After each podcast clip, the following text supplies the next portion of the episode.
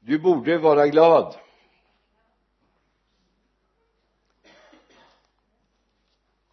Det står så här i Markus 1 första versen. Här börjar evangeliet om Jesus Kristus Guds son. I en parafrasöversättning så står det här börjar glädjebudet om Jesus Kristus Guds son. Jag satte som rubrik idag glädjen i Gud. Det finns mycket vi kan glädja oss över mycket vi kan vara bekymrade över. Men när det gäller Gud så kan vi bara glädja oss. Det finns inget att bekymra sig över när det gäller Gud om vi har det rätt ställt med honom. Så glädjen i Gud kan vara lite paradoxalt med tanke på alla sjuka och allt som eh, som drabbar oss. Även mig då. Men eh, vi har ju har rätt att vara glada i Gud. Ändå. Och nu får vi be lite extra för de som behöver tolkning att eh, de kan förstå min skaraborgska det är ju nästan som engelska så att det går nog bra. Ytterligare ett bibelord jag vill ha med oss här i början det är psalm 124 verserna 6 till 8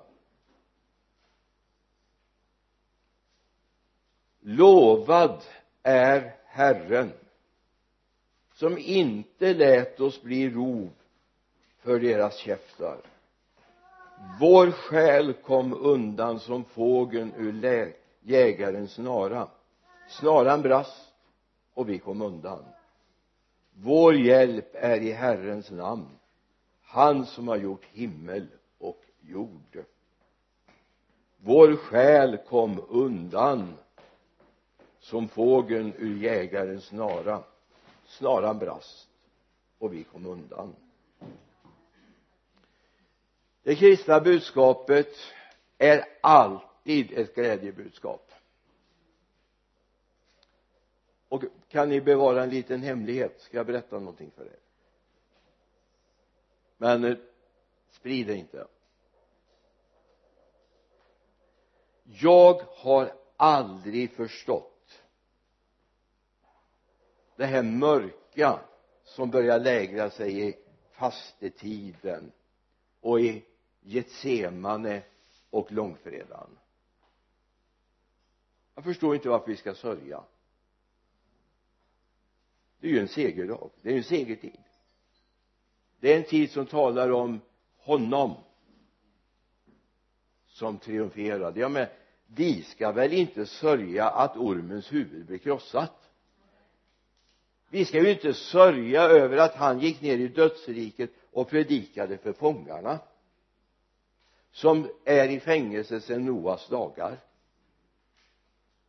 och satte dem fria. Ska vi sörja över det? I vissa kyrkor kläder man hela altaret och, och knäfall och sånt där med svart sammet när det blir långfredag. Jag har inte förstått det här. För mig är hela påskbudskapet påskens budskap ifrån påskdagen överglänser allt annat. Och det är viktigt att vi har med oss det. Så även när vi går in i fastetid och i, mot långfredagen så är det en glädjens budskap. Tänker ibland på en liten anekdot jag hörde för många många år sedan. Jag har säkert berättat den förut också. Den här lilla flickan som kommer hem till pappa och säger det. Är hästar kristna? Pappan såg alldeles fundersam ut. Varför frågar du det? De ser så ledsna ut det är väl inte det som syns. Det är väl inte en tung börda att vara ett Guds barn. Det är ju en förmån. Så låt det inte vara det människor ser att det är tråkigt. Men vi har ju vunnit högsta vinsten. Eller hur? Inte ens som han som på jobbet säger till sin absolut bästa kompis han säger du jag var numret närmast högsta vinsten på på penninglotteriet. Men berätta det inte för någon för de kan bli så avundsjuka på mig. Vi hade rätt nummer. Vi vann högsta vinsten. Och vi har inte kvitterat ut allt. Vi har bara fått ut lite av arvet. Vi har bara fått ut lite. Allt ska kvitteras ut en dag allt ska förverkligas i våra liv. I Johannes 10 så läser vi i verserna 17 och 18 det är Jesu egen berättelse om påsken och jag tror att det är bra att vi har med den. Fadern älskar mig därför att jag ger mitt liv för att sedan ta det tillbaka ingen tar det ifrån mig. Utan jag ger det av fri vilja. Jag har makt att ge det och jag har makt att ta tillbaka det. Det budet har jag fått av min fader. Alltså det var full kontroll på långfredagen.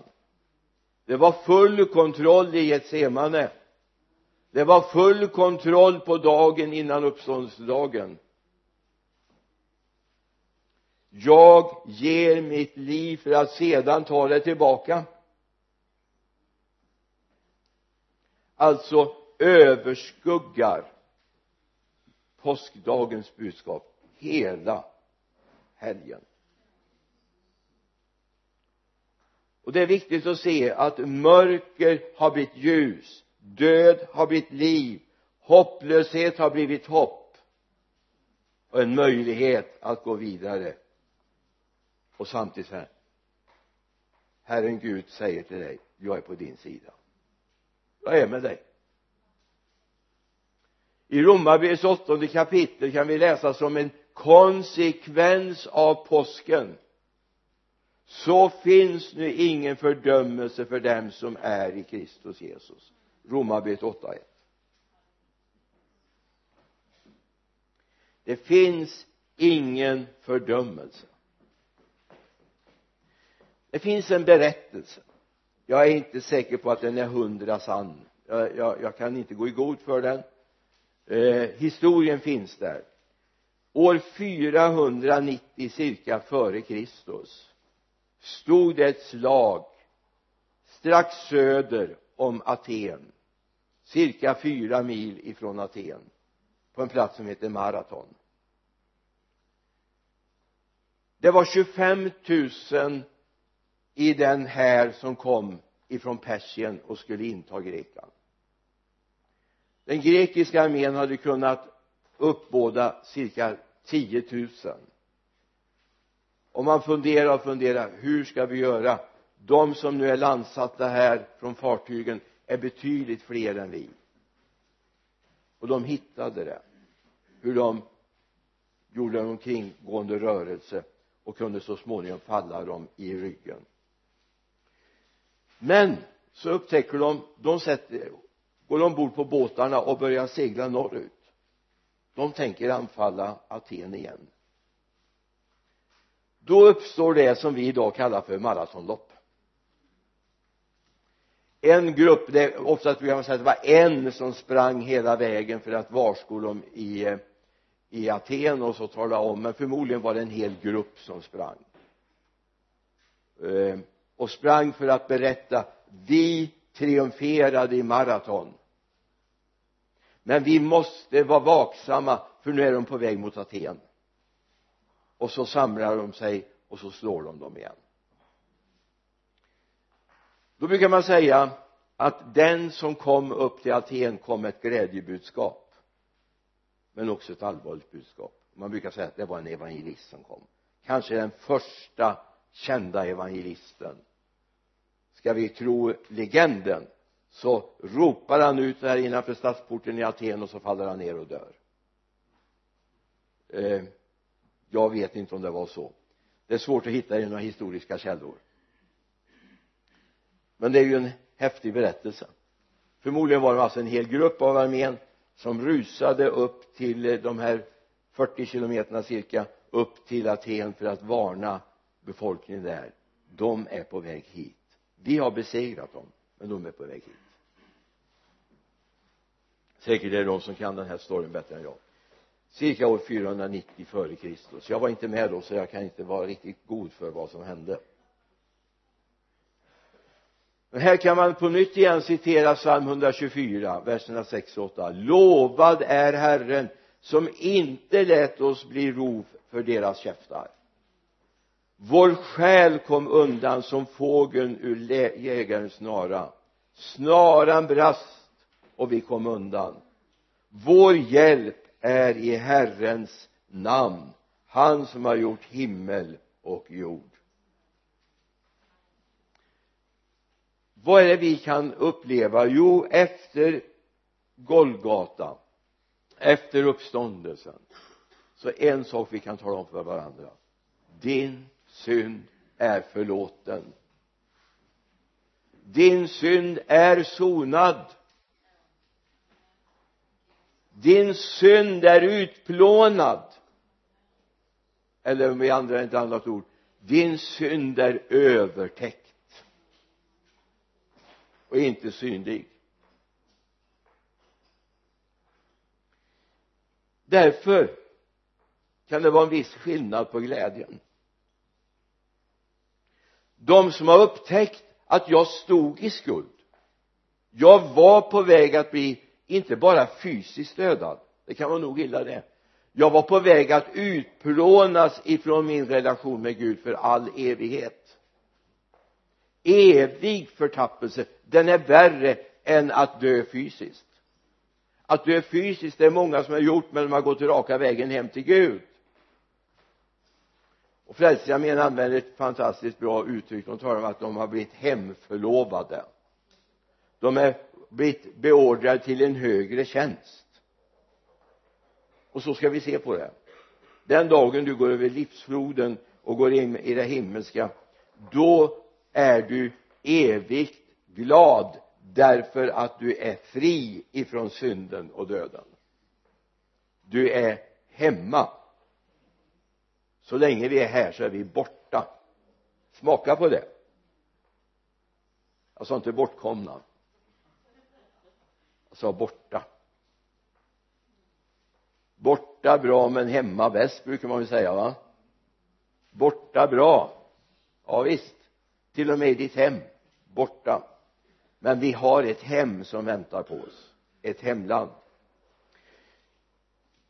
Och det här finns en liten berättelse. Det här är en sann det är inte en, en, eh, en, en liknelse utan det här är en berättelse från Jesu dagar. Vid ett tillfälle blir Jesus inbjuden till farisén Simon på fest. Och medan han då tillsammans med många vänner ligger till bords så kommer som det står i, i bibeln en synderska. Alltså en förmodligen prostituerad. En dålig kvinna. Kommer in. Böjer sig bakom Jesus. Väter hans fötter med sina tårar. Tork, eller, och torkar det med sitt hår. Och gjuter balsam över hans fötter. Simon och de andra blir upprörda. Ser du inte att hon är en synderska? Förstår du inte vad det är för en dålig kvinna det här handlar om? Då säger Jesus någonting Simon. Jag har någonting att säga dig. Och du har det här i Lukas 7 vers 47 då kommer vi in i vad Jesus säger.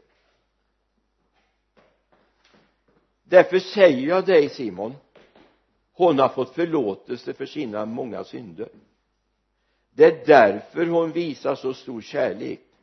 Men den som inte uh, fått lite förlåtet älskar lite. Frågan är har du fått mycket förlåtet? Eller har du fått lite förlåtet? eller har vi inte fått förlåtelse?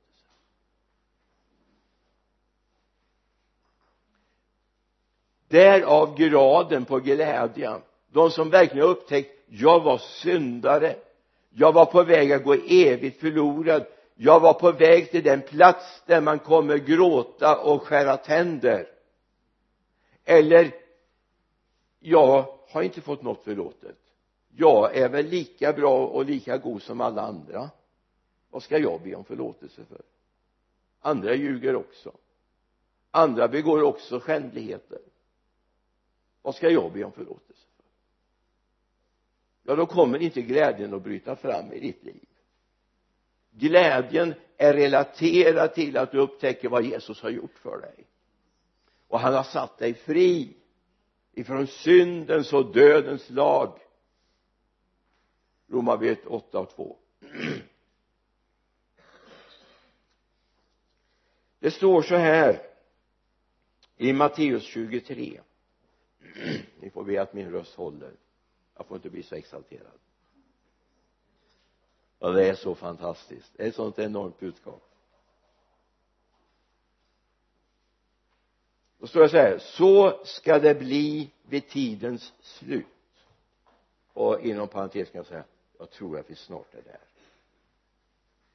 Änglarna ska gå ut och skilja de onda från de rättfärdiga och kasta dem i den brinnande ugnen. Där ska man gråta och gnissla tänder. Har ni förstått allt detta? Det svarar honom ja. Alltså har man det framtidsperspektivet? Att mitt liv kommer hamna i en situation där jag kommer gråta. Det står att jag ska hamna i en brinnande ugn.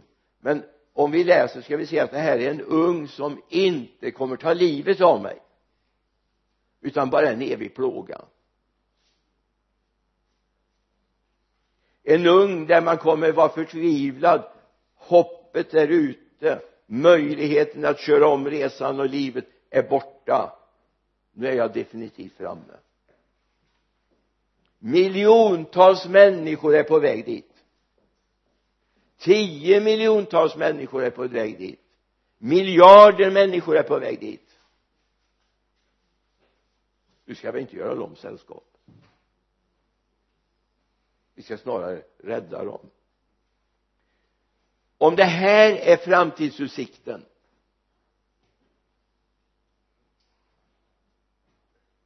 ja då är det svårt att vara glad.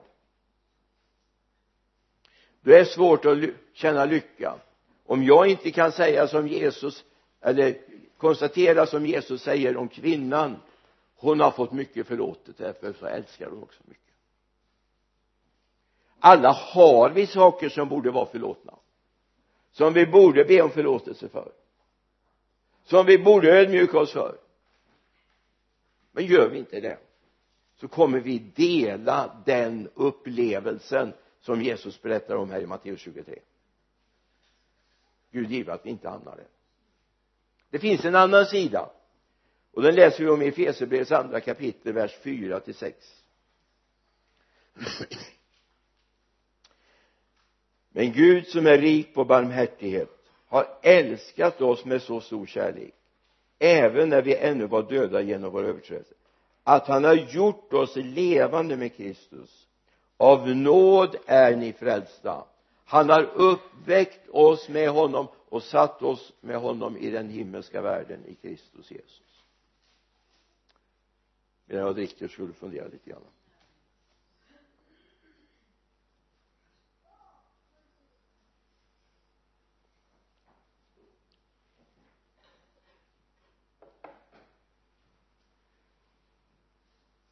Det är skillnad på mål och mål. Och låt mig få säga att de som har hamnat i det som Efesierbrevet talar om här i det andra kapitlet de människorna har redan här och nu i denna fallets natur och tid blivit placerad med honom i den himmelska världen. Så de är liksom redan för anade om vad som kommer. De redan är i den situationen. De lever med honom där.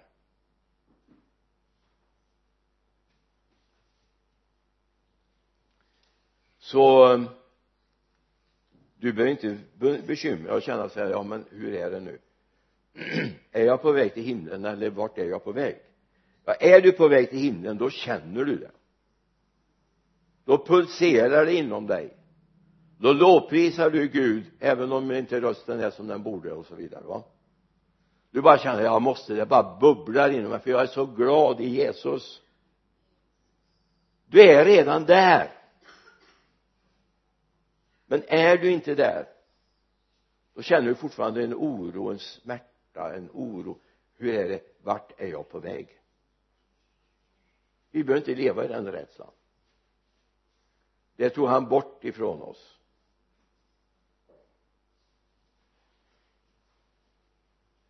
Så låt mig få säga du har all anledning att vara glad.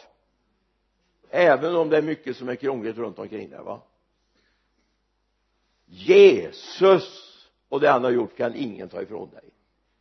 Inte ens om du skulle sitta i ett fängelses dödscell kan man aldrig ta ifrån dig glädjen i Jesus. Fråga dem som har varit i den situationen. Pastor Gyn till exempel ifrån Kina som av änglar blev tagen ut ur fängelset. Han satt i dödscell för sin tros skull. Men hela tiden bubblade glädjen kanske jag imorgon är hemma hos Jesus. Kära Jesus hur går det för de andra som inte sitter här i fängelset som jag inte kan undervisa jag kan inte uppmuntra? Sen har han fått undervisa och uppmuntra väldigt många för Gud tog honom ut ur fängelset. Men han satt där med den här bönen. Herre kanske imorgon är jag hemma hos dig. Alltså det, det är ett annat perspektiv. Jag säger inte att någon ska behöva sitta i dödscell men det finns glädjen finns där. Den kan inte fängslas. Guds ord bär aldrig bojor. Och därför säger Paulus i Filipperbrevets fjärde kapitel vers 4 och några verser framöver. Gläd er alltid i Herren. Än en gång säger jag gläd er. Låt alla människor se hur vänliga ni är Herren är nära. Bekymra er inte för något utan låt Gud få veta alla era önskningar genom bön och åkallan med tacksägelse. Då skall Guds frid som övergår allt förstånd bevara era hjärtan och tankar i Kristus Jesus. Och allt folket sa amen. Alltså vi har anledning att vara glada i Herren, inte i omständigheterna men vi ska vara glada i Herren. För oavsett vad du hamnar i hur du blir mobbad, förtalad, misshandlad ställd vid sidan om så kommer de aldrig kunna rycka Jesus ur ditt hjärta. Aldrig. Utan han finns där, han bor där, han lever där i ditt hjärta hela tiden. Så var mån om att bevara honom i ditt hjärta. Därför då vet du det finns en glädje som inte är beroende av omständigheter. I första Petrusbrevet så påminner Petrus om samma sak första kapitlet vers 6 och vers 7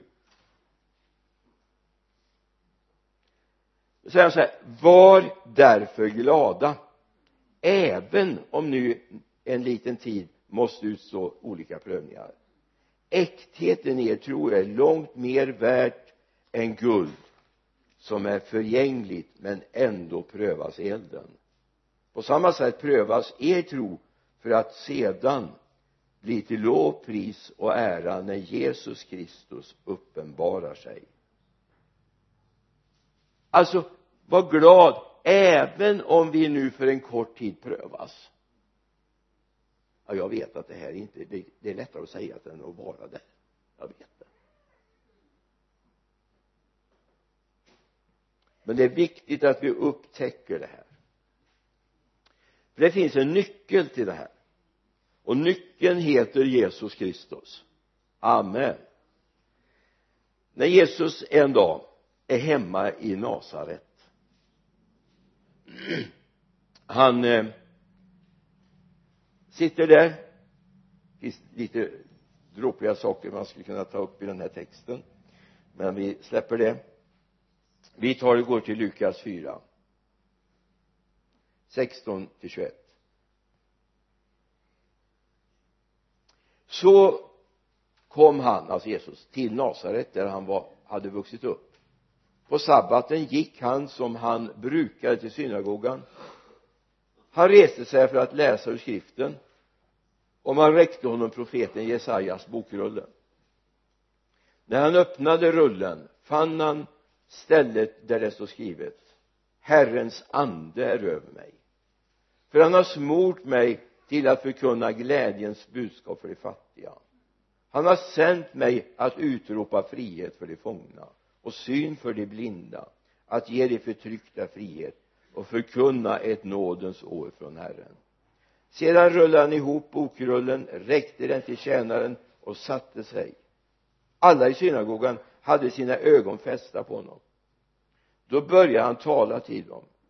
Idag har det här stället i skriften gått i uppfyllelse inför er som lyssnar. Alltså pekar han på sig själv. Det är alltså Jesaja 61 Jesus kommer till synagogan i Nasaret. Han fick förmånen att läsa. Och man räcker honom Jesaja bokrulle.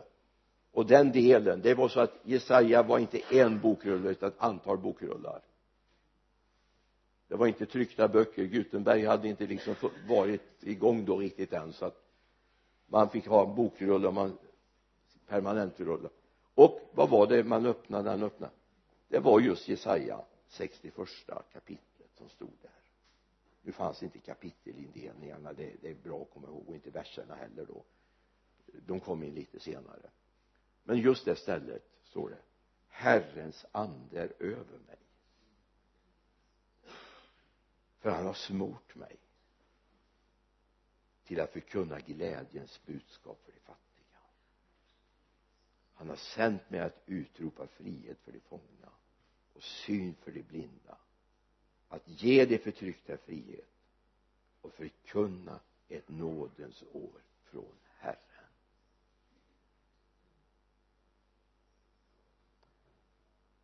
Jag skulle bara kunna säga ett ord. Guds timing det kunde ju varit ett annat bibelställe som var det som skulle läsas. Det var inte så att han gick själv och valde bland bokrullar han blev tilldelad en bokrulla men Gud vet vad han gör. Gud vet att då ska du dit. Du ska hem till din fädernesstad. Du ska hem just till Nasaret. Just den sabbaten ska du gå till synagogan. För just då ska Jesaja 61 läsas och just då är det din tur att läsa. Sen kan vi bara ta en liten parentes och säga att han satte sig på predikstolen. Den såg inte ut så här eller så här. Det var faktiskt en stol. I synagogan när man talade och höll utläggning så satt man. Så därav kommer ordet predikstol. Det var en stol. Så vi kanske ska införa det. Jag börjar bli gammal nu så kunde vara lämpligt. Hade jag på fredagarna för länge sedan satt på den där pallen som eh, Ruben Agnarsson satt på när han sjöng. Herrens ande är över mig ty han har smort mig. Vadå med, med glädjens budskap? Så orsaken till att vi har anledning att vara glada det är ju Jesus, eller hur? Det är honom vi har att skylla på att vi kan vara glada om vi nu ska skylla på någon. Glädja oss över att vi kan vara glada. Därför det kommer inte från omständigheterna som har dukats upp för dig. Det kommer inte först och främst för allt bord som han har dukat upp för dig i din ovänners åsikt det kommer från Jesus. Han har smort dig också med glädjens olja. Det står i Hebreerbrevet 1 vers 8 och 9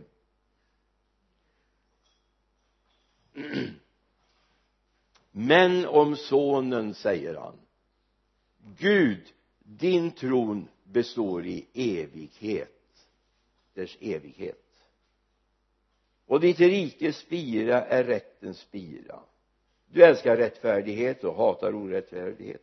Därför Gud har din Gud smort dig med glädjens olja mer än dina medbröder. Vilka är medbröderna och systrarna? Det är de som följer honom som är Guds barn. Det står inte att det var bara honom. Det var att han fick mer än oss. Men han var ju förstfödd så han hade rätten. Men det betyder att vi blev också smorda med glädjesolja. Och läser vi Johannesbrevet ska vi se att att det finns en, en smörjelse som räcker också för dig och mig i den här tiden. Alltså när Jesus får bo och leva i ditt hjärta och leva ut genom dig så kommer hans glädje att flöda genom ditt liv. Kom ihåg glädjen i Gud har alltså inte med yttre omständigheter att göra. Då kommer, då skulle glädjesången, då skulle tacksamheten fullständigt plånas ut. Sen vet vi att det finns ju olika människotyper. Melankoliker och så vidare va? Vi är också en människotyp. Du och jag och alla vi. Vi är Kristustyper. Faktum är att om han får flytta in och ta över så kommer han förändra sen älskar jag finländarnas eh, harmonier eller disharmonier molltoner och så vidare. Visst. Men det är underbart med att få en Kristustyp över våra liv. Han har skapat oss till nya skapelser. Andra Korinthierbrevet 5 och 17 den som är Kristus är en ny skapelse. Vad bra! Vet, vet du vad finns som gen i det? Det finns i Kristus som gen där. En Kristusgen. Och det finns en glädjegen.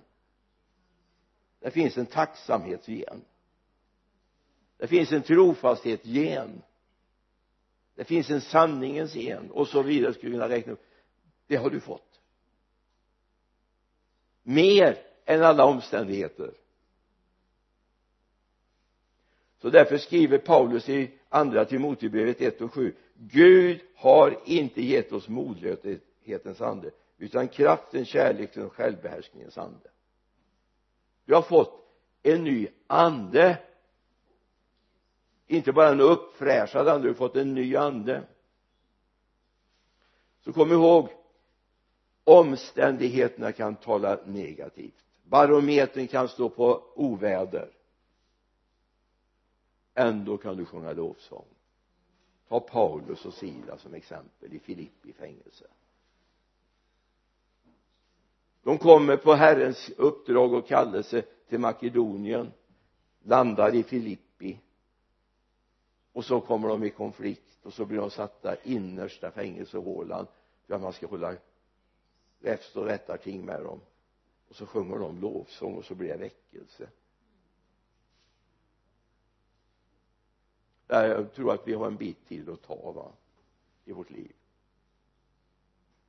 Ja, men det räcker att vi får en liten eh, sticka i fingret så börjar vi fundera på om vi är frälsta eller ej. Stuka foten så undrar vi vad var Guds beskydd? Jag ska säga finns det som är värre? Det finns kors. Det finns möjlighet att bli stenad. Det finns svärd våra syskon i samtida med oss nu de får gå igenom det här. De får gå igenom det här. Men när de har fått sin förankring i Jesus då kan de vara glada i Gud ändå. Typ Stefanus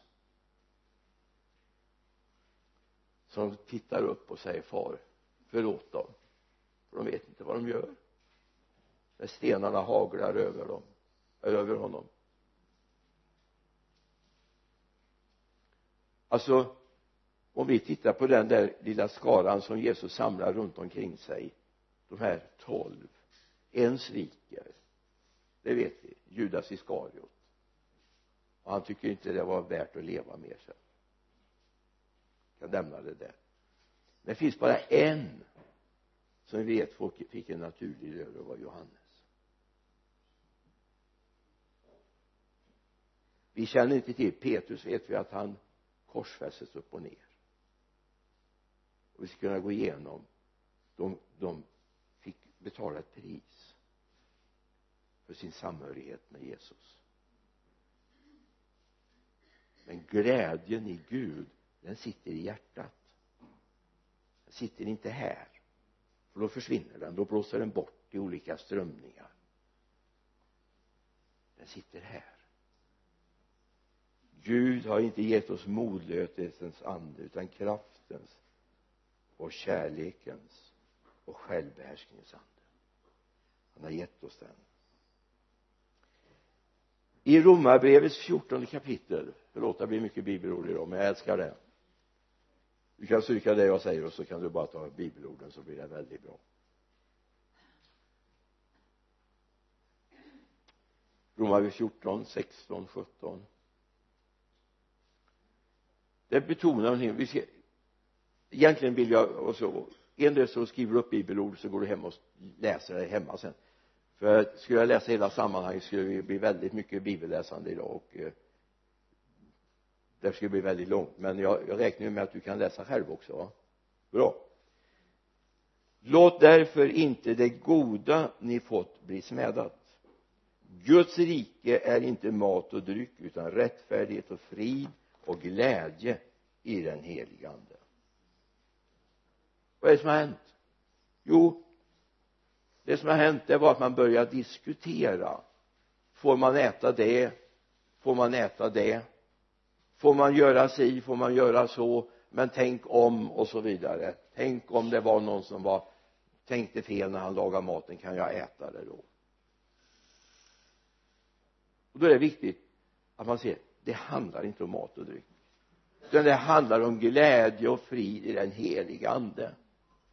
Så vi inte fastnar i små detaljer och missar målet.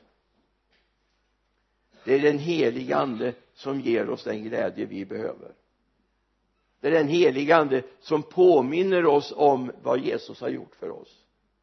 Som påminner oss om att det var inte gisselslagen det var inte törnekronan det var inte spikarna utan det var att han blev gjord till synd. Alltså han som var så fullkomligt ren all den synd allt det elände som alla människor genom alla tider har tänkt och gjort togs och lyftes av och lades på honom som var fullständigt ren och utan synden alltså att, att han hade sonat den så hade hans väg in i himlen varit stängd.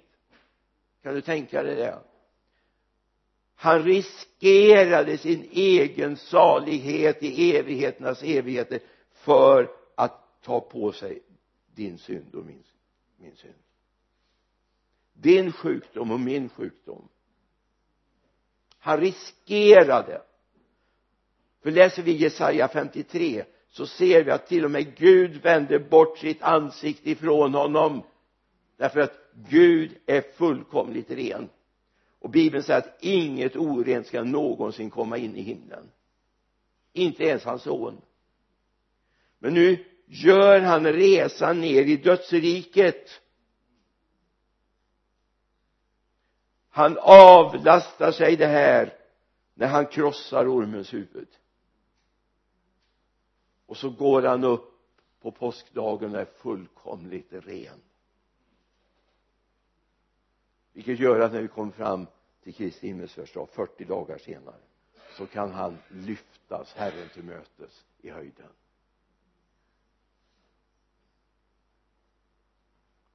I romarbrevets femtonde kapitel vers 3 13 förlåt mig vers 13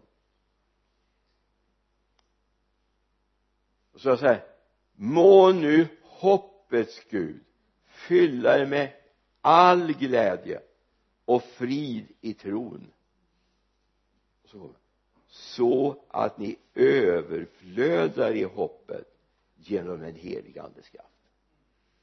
Du ska överflöda. Du ska överflöda i hoppet. Och du vet när man överflödar med någonting om det överflödar i ditt handfat till exempel eller i ja men då, då stannar inte handfatet va? Vatten har sällan benägenhet att bli en, en, en pelare så här som står upp ur, ur vatten. Det ska vara väldigt märkligt. Och har det frusit i så fall då är det väldigt kallt. Eller hur så när hoppet överflödar då flödar det över till andra då får dina jobbarkompisar tag i det. Då får dina vänner tag i det. Varför är du så glad? När det ser ut som det gör i den här världen.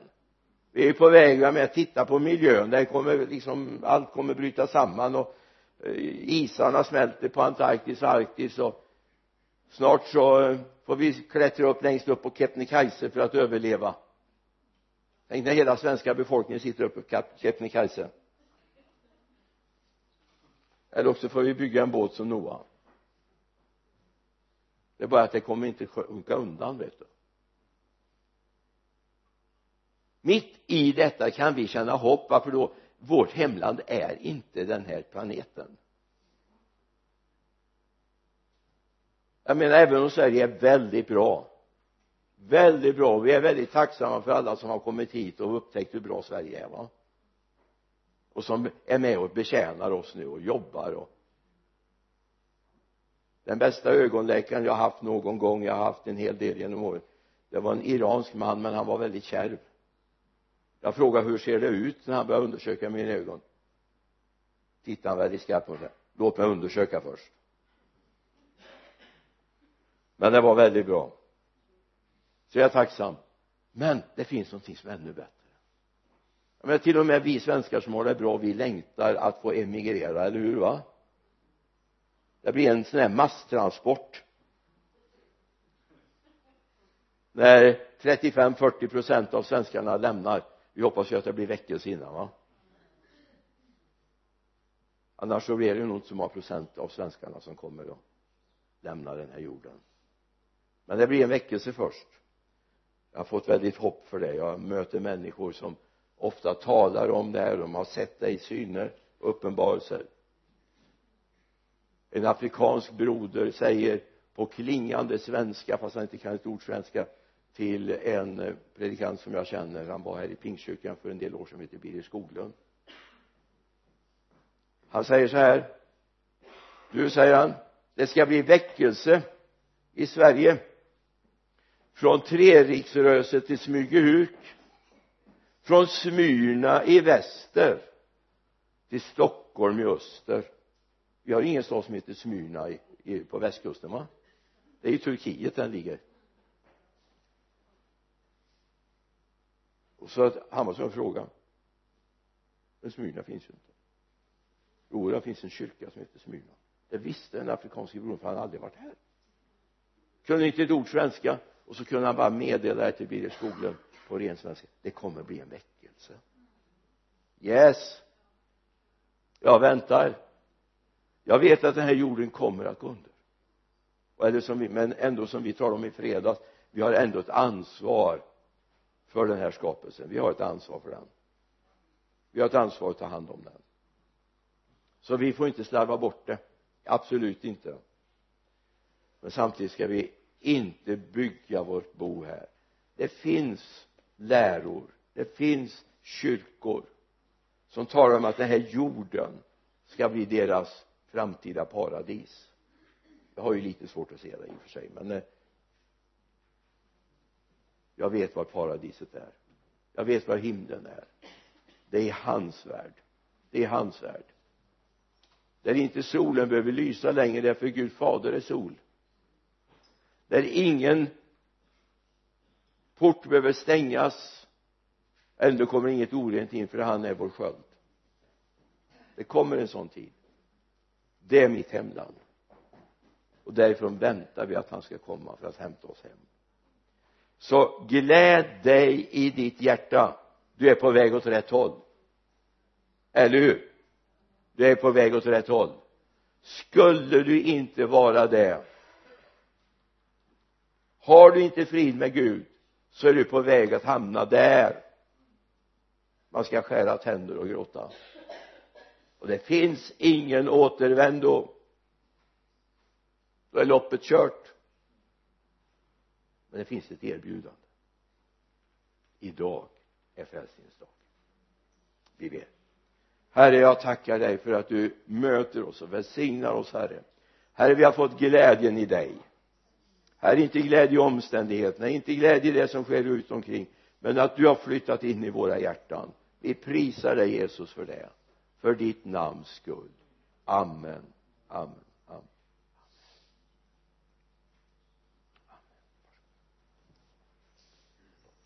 Ja.